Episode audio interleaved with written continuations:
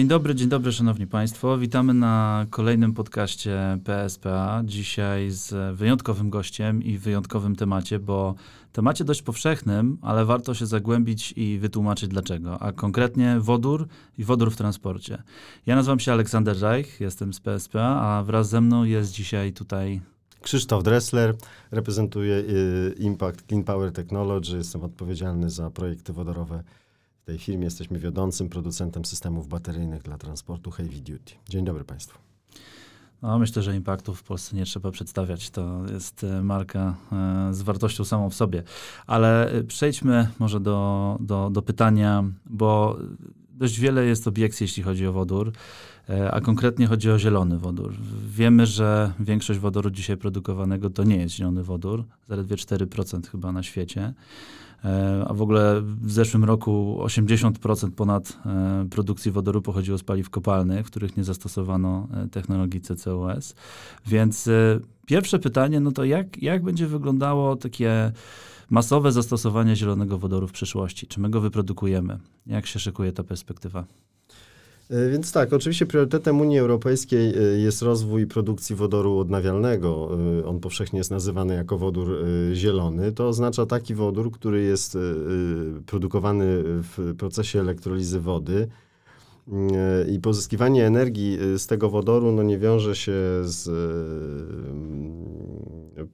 z, z odpadami, z dwutlenkiem węgla, w tym sensie wpisuje się zielony wodór y, w szeroko rozumiany proces dekarbonizacji. Wydaje mi się, że od tego powinniśmy generalnie zacząć. Y, Unia Europejska poprzez tak zwany Green Deal nakreśliła ramy y, zmian klimatycznych, którym, którymi chce podążać i na tę perspektywę taką strategiczną, wieloletnią nakłada się szereg aktów prawnych od Fit for 55 przez strategię wodorową, tak czy inaczej, w połowie wieku y, chcielibyśmy być y, neutralni, y, czyli w pełni zdekarbonizowani, jeśli chodzi o między innymi transport.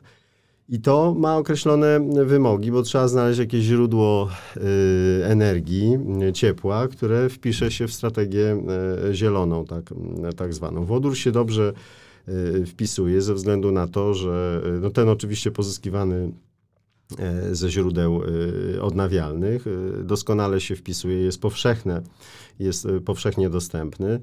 Plus Europa jest bardzo dużym producentem elektrolizerów i ma największe możliwości, jeśli chodzi o zapełnienie popytu. Elektrolizer jest niezbędnym elementem do produkcji wodoru. Także tutaj technologicznie Europa jest doskonale przygotowana. No, z drugiej strony jest oczywiście w horyzoncie tych dekad najbliższych jest nettobiorcą wodoru, y, więc jest w takiej tru, trudnym położeniu. Z jednej strony promuje źródło energii, y, które naturalnie nie występuje w takich ilościach, jak należy w Europie, choćby te strategiczne cele na rok 2030 przez komisarza Timmermansa wskazywane, czyli 10 milionów ton y, produkcji własnej, 10 milionów ton y, importu, wskazują, że jednak gdzieś y, połowa musi być z importu. Także reasumując, w długim okresie właściwie nie ma alternatywy, bo musimy tą, ten proces dekarbonizacji realizować, o ile oczywiście w niego wierzymy. Jeżeli chcemy go realizować i chcemy, żeby postępował, to y, należy opierać się na takich źródłach y, y, energii czy nośnikach energii, które wpisują się w strategię zieloną. Wodór się wpisuje, o ile jest odnawialny. Odnawialny to jest taki, który powstaje w procesie elektrolizy wody. Y, natomiast y, w tym procesie również niezbędny jest y, prąd, energia elektryczna i ta energia elektryczna też powinna być zielona, czyli powinna no, co do zasady pochodzić albo z fotowoltaiki, albo z wiatru, no, ewentualnie z kogeneracji, to też później podlega procesom czyszczenia pyroliza i tak dalej. Natomiast to już są jakby szczegóły. Z punktu widzenia takich zmian klimatycznych, którym wszyscy podlegamy, no to, to, to, trochę słychać, że y, jestem entuzjastą y, tej transformacji wodorowej, ale to nie wynika z faktu, że po prostu wodór mi się jakoś podoba, tylko patrzę na to, jak wygląda tak strategicznie rozkład akcentów inwestycyjnych w Unii Europejskiej, w innych krajach i tak można powiedzieć, że no nie wiem, ten, taka konsumpcja wodoru w Europie dwa lata temu w 2020 to jakieś 12 milionów ton w całej Europie, podczas gdy mm, w 2050 czyli w, horyzoncie tych 40-30 lat niespełna, y, to jest 100 milionów ton. Więc to jest ten, ta skala wyzwania, przed którym stoimy i to pytanie, czy to jest w ogóle doszacowane, czy to nie okaże się, że te wszystkie nasze szacunki nie są, nie są niedoszacowane. Jeśli chodzi o taką mapę, gdybyśmy spojrzeli na mapę, to oczywiście źródła produkcji wodoru ściśle wiążą się i pokrywają, korelują Y, z y, miejscami, w których łatwo mm, produkować y, zieloną energię. To są oczywiście tutaj północ Afryki, doskonale nadaje się na to farmy fotowoltaiczne, tak, tak jak mhm. najbardziej. Są też miejsca, choćby północ Europy, doskonale wpisuje się w tą mapę wiatru i tutaj też no właściwie świat jest dość dobrze rozpoznany pod tym kątem, czyli gdzie te źródła powinny być rozmieszczone. Na to nakładają się ramy legislacyjne, które w jednym, y, jednym pomagają, innym przeszkadzają, ale generalnie to świat jakby rozpoznał. I y, jedno można powiedzieć, że w efekcie transformacji y, wodorowej nie powstanie znaczy powstanie jeszcze większe uzależnienie świata wobec siebie. To znaczy y, są kraje, które netto będą miały dużą nadprodukcję wodoru, Y, są kraje, które będą, no, cała Europa będzie netto importerem wodoru, także te y, stosunki ekonomiczne ulegną zacieśnieniu dzięki wodorowi i to chyba dobrze, bo bo to też postęp technologiczny w zakresie choćby transportu, produkcji, no ale też przede wszystkim dekarbonizacji. To, to, to, to, to jest to, o co nam przede wszystkim chodzi. No tutaj rzeczywiście tak jest. Te, te prognozy wskazują, że właściwie 30, prawie 5% e, wodoru będzie zielonego z elektrolizerów e, w 2030 roku, więc to są, to są e, myślę, że pozytywne perspektywy.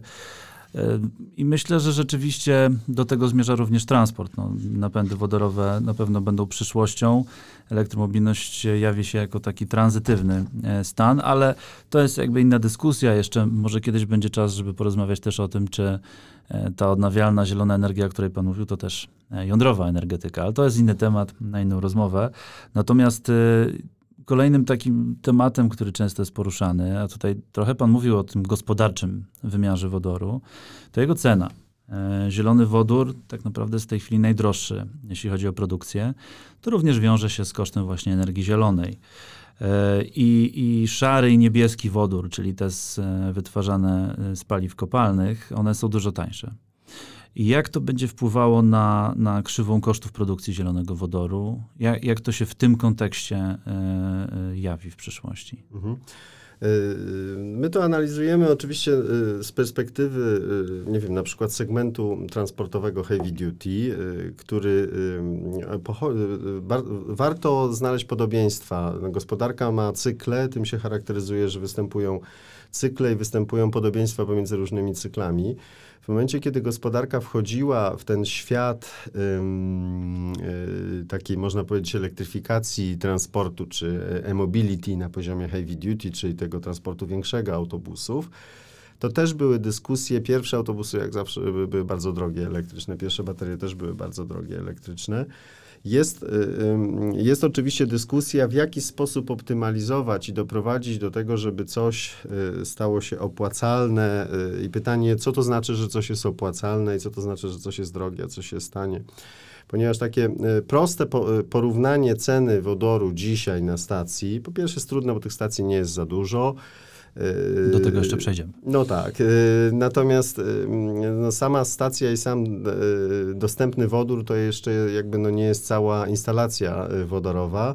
E, a poza tym no, jedna stacja mobilna nie rozwiązuje problemu transportu, bo musimy się poruszać i musimy to tankować. Więc to jest szersze zagadnienie, które ja bym określił mianem taki total cost of ownership, czyli mhm. takie y, analiza, która uwzględnia wszystkie koszty i nakłady inwestycyjne. I z y, analiz, które były przeprowadzane w 2020 roku, w 2019, powiedzmy na, na, w tych, y, na 2020 roku się może zatrzymajmy, one były w trzech perspektywach. Co się dzieje w Chinach, co się dzieje w Stanach Zjednoczonych i co się dzieje w Europie to najkrótszy dystans do tego break-even, czyli tego, żeby w ujęciu tym y, total cost of ownership, y, powiedzmy taki autobus wodorowy y, był porównywalny, jeśli chodzi o, no wtedy to nie jest cena, tylko je, jeśli chodzi o mhm. taką wartość z autobusem elektrycznym, był w Europie.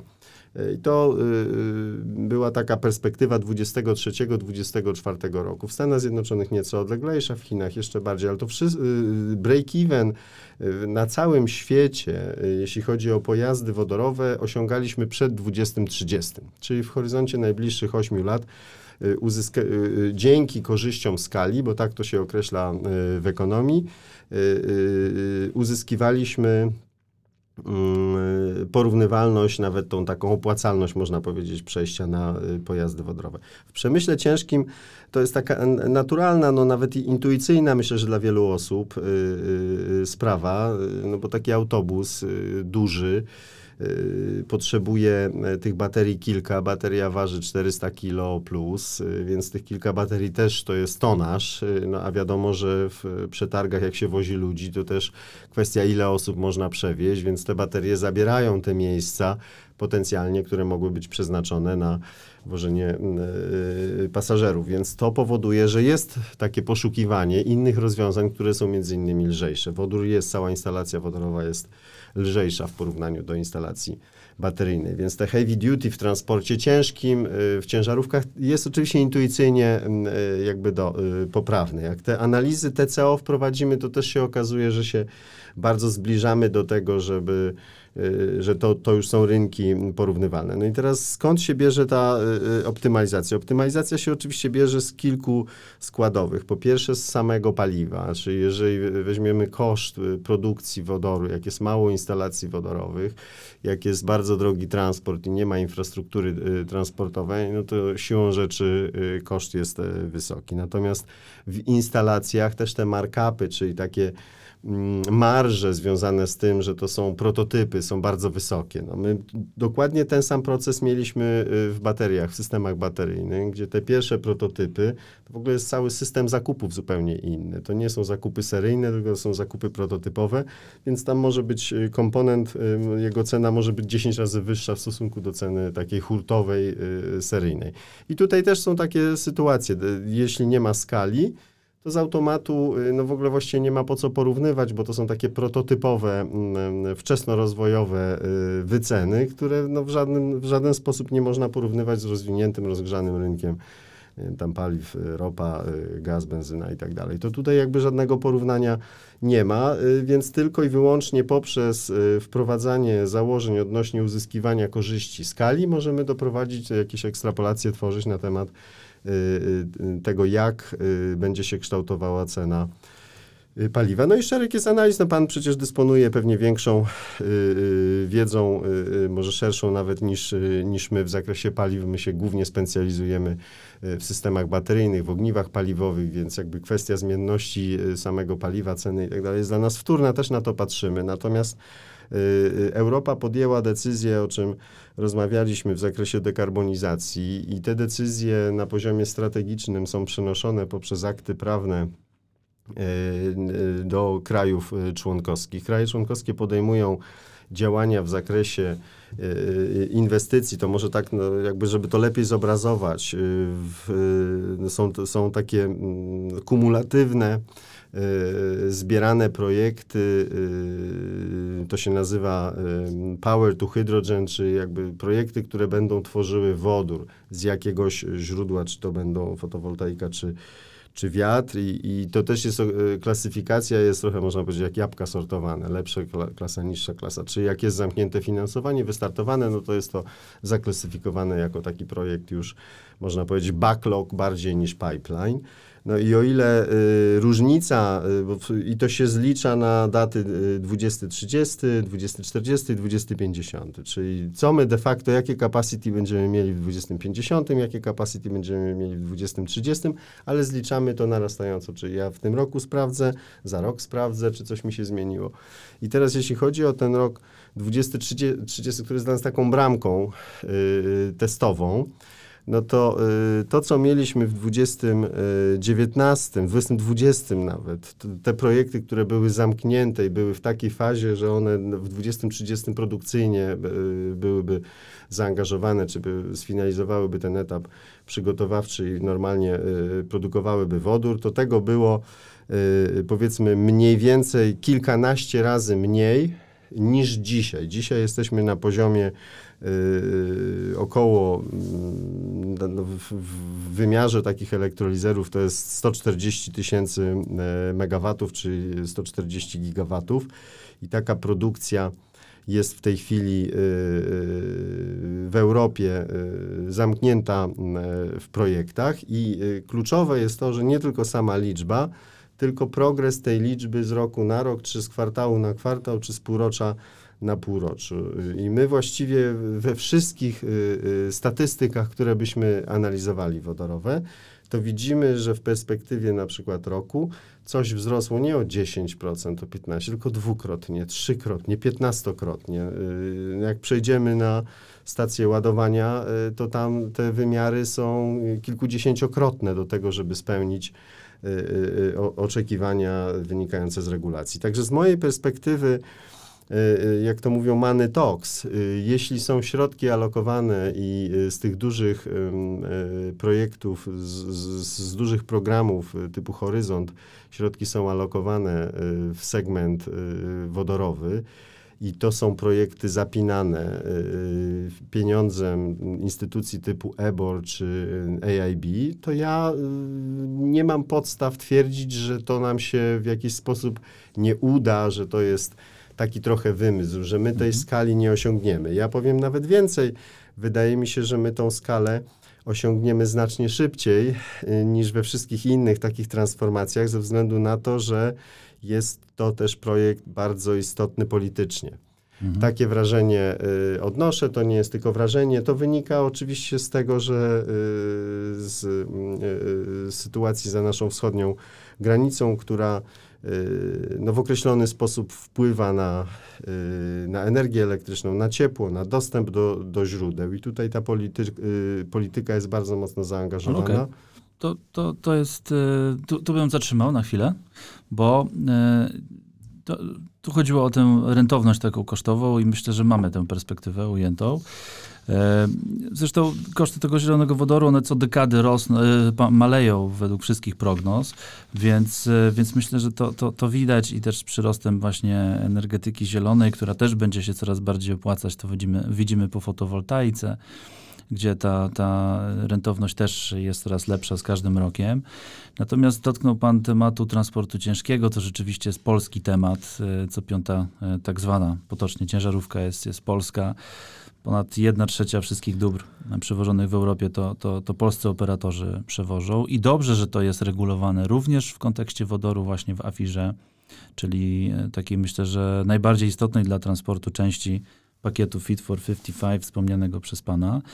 Ale może w takim razie wejdźmy na ten polski rynek, bo e, my mamy dość dobrą pozycję, e, trzecią w Europie, jeśli chodzi o produkcję wodoru. Już sobie powiedzieliśmy, że teraz w przeważającej mierze nie zielonego, ale to, to jakby jest inny temat. Natomiast przed nami tylko Holandia i Niemcy. I czy my w kontekście tej transformacji na zielony wodór będziemy w stanie się utrzymać jako taki lider, jako taki mocny producent? E, czy no jak, jak, jak to widzimy w kontekście tego, że obecnie mamy miks energetyczny w 80% oparty na węglu? Czy ta transformacja jest powiązana? Czy my utrzymamy tę pozycję przy przekształceniu naszego sektora energetycznego? E, e, chciałoby się wierzyć w to, że my rzeczywiście będziemy tacy samowystarczalni w energetyce i również wodorowo. No, żeby to się zadziało, to musimy mieć y, projekty, znaczy te źródła y, muszą być w wystarczającym stopniu y, pokryte w kraju. I dwa to są, znaczy jest kilka wyzwań, natomiast z takich może pozytywów, bo to dotyczy, tego dotyczy pytanie, jak popatrzymy, jaki jest Y, porównanie, gdzie my się mieścimy, jeśli chodzi o taki, mm, taką dźwignię kosztów y, w zakresie produkcji mm, y, wodoru, na przykład ze źródeł wiatrowych, w porównaniu do, do PV, czyli do, do fotowoltaiki, do fotowoltaiki to widać gołym okiem, że my mamy przewagi na wietrze. Duże, duże przewagi, no to jest też jakby oczywiste, jesteśmy bardziej na północnej części Europy tego słońca siłą rzeczy jest mniej. Więc ja, gdybym miał upatrywać sukcesu tej takiej samowystarczalności naszej, czy tej drogi do samowystarczalności, no to bym y, y, szedł w wiatr, no bo wiatr y, daje duże możliwości. No i też wiatr jest w tym sensie Y, y, ciekawym rozwiązaniem, ponieważ no, jakby Słońce operuje y, w ciągu dnia, więc w przypadku dużych farm solarnych, farm fotowoltaicznych, jeżeli one nie służą do produkcji do sieci, ale nawet jak do sieci produkują, to mamy dużą niestabilność intradayowo-overnightową. I to oczywiście tego typu mm, y, y, farmy y, naturalnie muszą być wspomagane magazynami stacjonarnymi do bilansowania takiego intradayowego co najmniej. No oczywiście w przypadku, kiedy idziemy w formułę takich zamkniętych instalacji wodorowych, czy tam jak ja je nazywam autonomicznych, czy to na poziomie dzielnic, osiedli, czy nawet miast, takie plany doliny wodorowe mają, no to z automatu y, pojawia nam się taka sytuacja, no to dobrze, to jak y, wyjść poza tą autonomiczną, mm, no, no, powiedzmy taką dzielnicę, czy może to instalację autonomiczną, jak wyjść z wodorem dalej, znaczy jak wyjść z energią dalej. Bo można sobie wyobrazić, Y, że się nie wpinamy w sieć w ogóle, y, jeżeli będziemy y, mieli dobre instrumenty do bilansowania intradayowo-overnightowego, czyli powiedzmy taki stacjonarny magazyn energii, ale również przeskalowane instalacje do produkcji, czy to fotowoltaiczne, czy wiatrowe, i nadmiar y, y, tej energii zamieniany na wodór, nawet do celów handlowych, komercyjnych. I tego typu y, podejście stwarza pewne możliwości do tego, że my zaczniemy y, promować, można powiedzieć, y, wodór z tych pojedynczych punktów, a jednocześnie nie obciążać sieci. Czyli to, również rozproszona tak, produkcja tak. wodoru, tak jak rozproszona energetyka. Ja się nad tym długo zastanawiam i wydaje mi się, oczywiście nie jestem tutaj może ekspertem jakimś, yy, nie mam tego bardzo głęboko przemyślanego, natomiast wydaje mi się, że będzie bardzo trudno yy, realizować transformację mm, wodorową, w ogóle energetyczną, może szerzej rozumianą, yy, w modelu takim scentralizowanym. Ja właściwie to nawet nie wiem, czy to jest możliwe.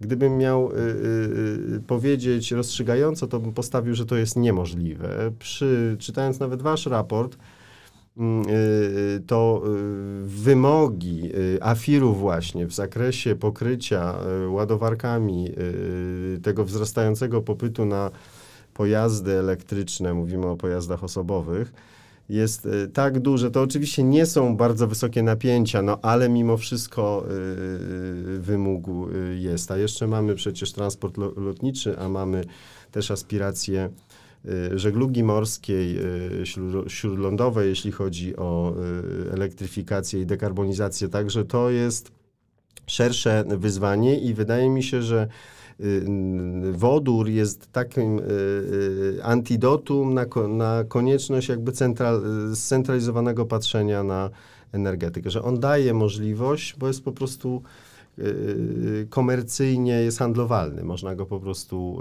łatwo przewozić, można transportować w różny sposób, można przechowywać, więc z tej perspektywy to wydaje mi się jest no okej, okay. czyli, czyli mamy dobrze nakreśloną tę perspektywę i fajnie, że tutaj podkreśla Pan właśnie, że w zakresie OZE musimy energetykę wiatrową mocno rozwijać. Rzeczywiście wszystko na to wskazuje. Według e, planów i według właściwie takich już prognoz e, mamy, mamy takie kalkulacje, że te 50 gigawatów w 2030 zielonej energii wytworzymy, co w sumie mm, dałoby nam te 200 e, tysięcy ton zielonego wodoru nawet wcześniej niż zakłada to obecnie rząd. Także, także Polska rzeczywiście ma szansę utrzymać dobrą pozycję w tym kontekście. No to wróćmy do tematu, który no budzi, e, budzi jakieś wątpliwości, czyli e, coś, co kosztuje według niektórych kalkulacji nawet blisko 3 miliony dolarów, a zatem budowa stacji tankowania wodoru. I e, mamy e, Toyota Mirai, Mówi się o Hyundaiu, Hyundaiu Nexo, mówi się o różnych modelach pojazdów. W Niemczech już mamy blisko 100 stacji tankowania wodorem, chociaż to jest prawie 50% albo nawet ponad tego, co w ogóle w Europie. No ale właśnie jak temat tych, e, tych stacji? Jaka jest przyczyna tego, że to jest drogie, że to jest rzadkie i czy Polska jest gotowa, żeby, żeby sprostać łańcuchom dostaw wodoru na cele transportu drogowego? Bo właśnie ten lotniczy, morski to on będzie wodorowy, on już zaczyna być wodorowy, ale w tym kontekście. Ja wyrastam i tutaj y, też jestem między innymi dlatego, że jestem w tym segmencie heavy duty, to, mi, y, to to pytanie z mojej perspektywy jest dość proste, bo ja uważam, że każdy segment może mieć swoją preferowaną instalację. I y, nie każdy segment jest przygotowany do tego, żeby, był, żeby wszystkie były identyczne i wszystkie używały takie same źródła energii w zależności od preferencji użytkownika, czyli kierowcy w tym przypadku. Tak nie jest i ja też uważam, że to nie jest właściwa droga. Oczywiście na to należy nałożyć y, y, przepisy Unii Europejskiej, które między innymi przez y, AFIR czy przez TEN-T regulacje dotyczące transportu, one wprowadzają rozproszenie stacji, czyli jakie to rozproszenie stacji powinno być zarówno na tych większych drogach, jak i takich mniejszych. Dotyczy to co prawda ładowarek i w pierwszym kroku ładowarki y, do pojazdów elektrycznych jakby wymusiły te 60 kilometrów odległości. Natomiast oczywiście w ślad za tym idzie wodór. No i ten wodór jest w jakiejś proporcji tam kalkulowany. Jak te 60, no to może 100. No i powiedzmy, No że... też dalsze zasięgi są e, przy No więc właśnie, więc to też jakby e, z jednej strony ja bym się aż tak bardzo tym nie martwił w tym sensie, że e, to jedno drugie wymusi. Natomiast czy musi to wymusić, to ja tego nie wiem, bo wydaje mi się, że to też powinno tutaj paść. No, zasięg pociągu, który w tej chwili jest taki wodorowy, pierwszy pociąg wodorowy producenta europejskiego y, przy swoim dziewiczym y, rejsie to było chyba 600, 650, może 670 kilometrów, to było 4 lata temu. I teraz y, zasięg w tym roku, w trzecim kwartale, był prawie że dwukrotnie zwiększony na podstawie optymalizacji tego Powerpacka, czyli całej instalacji procesu zarządzania y, konsumpcją wodoru, tak bym to określił, czyli bez zmiany hardware'u, bez wymiany ogniwa paliwowego, baterii i tak. O czym to świadczy? No, świadczy to o tym, że jeżeli my wchodzimy w zasięgi powiedzmy yy, 1000 kilometrów na taki pojazd y, szynowy, yy, no to w przypadku pojazdu typu ciężarówka, no to będzie między 500 a 1000 kilometrów. W autobusie, w zależności od y, tego, jaki to będzie zasobnik, y, magazyn y, wodorowy, no to też oczywiście, ale to też nie będą zasięgi 100 kilometrów, tylko będą kilkaset kilometrów, to my de facto nie mówimy o konieczności bardzo dużego nasycenia stacjami, żeby te autobusy, ciężarówki mogły to, tylko mówimy bardziej o hubach albo takich semi-hubach, których rzeczywiście y, ładujemy. Proces ładowania, y, y, tankowania wodorem jest bardzo szybkim procesem w porównaniu do ładowarek elektrycznych. W tym kontekście to można sobie wyobrazić, że ładu, trochę kultura się zmienia, że tankujemy zawsze, jak jesteśmy przy hubie, a nie jak jesteśmy na rezerwie. I w tym sensie no to podobnie z elektromobilnością. No tak, tak, ale to w tym sensie ja nie widzę takiej dużej, y, takiego dużego mm, problemu doganiania, jeśli chodzi o wodór, w, takiego transportu mm, osobowego.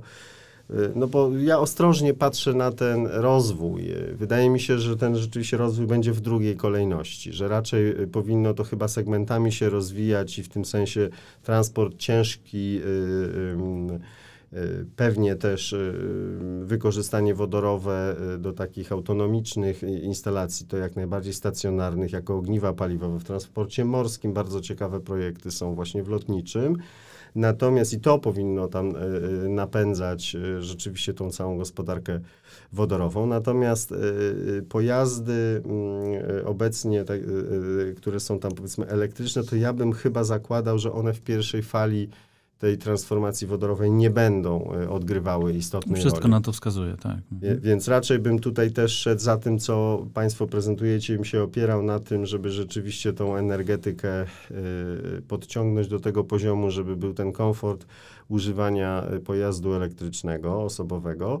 Natomiast y, jeśli chodzi o y, wodór, to rzeczywiście koncentrowałbym uwagę na y, tych takich semi-hubach. No i też, też to trzeba jakby urealnić. Te, które są, bo przecież to nie, pojazdy, autobusy wodorowe jeżdżą w Polsce. Jest kilka miast, które mają y, pojazdy wodorowe autobusy, one y, funkcjonują, więc jest coś takiego jak mobilna stacja wodorowa. Ona też, y, też funkcjonują, podstawia wodór, więc... y, Chociaż jeszcze publicznej nie mamy żadnej. Na No tak, tak, no ale to, to jakby w tym sensie dlatego mówię, że pytanie, jak wodór rzeczywiście zaskoczy w tej gospodarce, jeżeli samorządy, jeżeli na przykład y, trasa z Gdyni na Hel y, y, y, pociągowa będzie pokryta y, pociągiem wodorowym, no to tam nie wymagane jest kilka stacji, prawda, bo to się obsłuży nawet taką mobilną. Tak, to prawda i, i zresztą myślę, że przerzucenie mm, tego najdalszego i najcięższego transportu drogowego również na kolej zeroemisyjną, wodorową, to również jest, jest coś, co w przyszłości trzeba będzie rozważyć. E, Bardzo wiele ciekawych wątków. Będziemy starali się je pogłębić, ponieważ to pierwszy odcinek, pierwszy odcinek e, serii, którą zaplanowaliśmy na 2023 rok. E, Z każdym odcinkiem będziemy schodzili głębiej w każdy z segmentów, które omówiliśmy. E, Będziemy mieli dalsze tematy do rozmów z naszymi ekspertami z Impact Clean Power Technologies. Dzisiaj Krzysztof Dressler, ale w przyszłości jeszcze pewnie będziemy mieli e, innych gości. E, Bardzo dziękuję za rozmowę. Przepraszam, że tak krótko, ale no czas nas e, tu trochę zawęża, a, a temat jest ogromny. Panie Krzysztofie, e, czy wróci pan do nas, e, do kolejnych odcinków? Tak, tak. Wrócę oczywiście z przyjemnością, wrócę w szerszym zespole, ponieważ jest nas kilka osób, które tą transformację mm, realizują, więc trochę więcej pewnie liczb zaprezentujemy. No, pańskie pytania są dość y, wymagające od razu, nawet jak na pierwsze y, spotkanie, więc widać, że rzeczywiście musimy jeszcze mocniej, jeszcze głębiej y, w temat wejść, żeby już nie tak powierzchownie odpowiadać, tylko bardzo detalicznie. Na to jesteśmy przygotowani, no bo my takie analizy wewnętrzne też realizujemy. Temat jest stosunkowo nowy, więc siłą rzeczy jeszcze nie żonglujemy może wszystkimi liczbami tak na, na wywołanie, natomiast rzeczywiście jest niezwykle ważne, żebyśmy y, y, bardzo profesjonalnie na to patrzyli, a nie jako taki element takiej jakiejś mm, ciekawostki. To nie jest żadna ciekawostka, to jest realna To jest transformacja. Tak, to jest nasza przyszłość i tutaj musimy bardzo poważnie temu się przyglądać, także bardzo dziękuję za, za pytania y, na bardzo y, wysokim poziomie, jeśli chodzi o, o, o tematykę, także Dziękuję bardzo za rozmowę i do zobaczenia w przyszłym odcinku. do zobaczenia. Również z. Państwem. Dziękuję.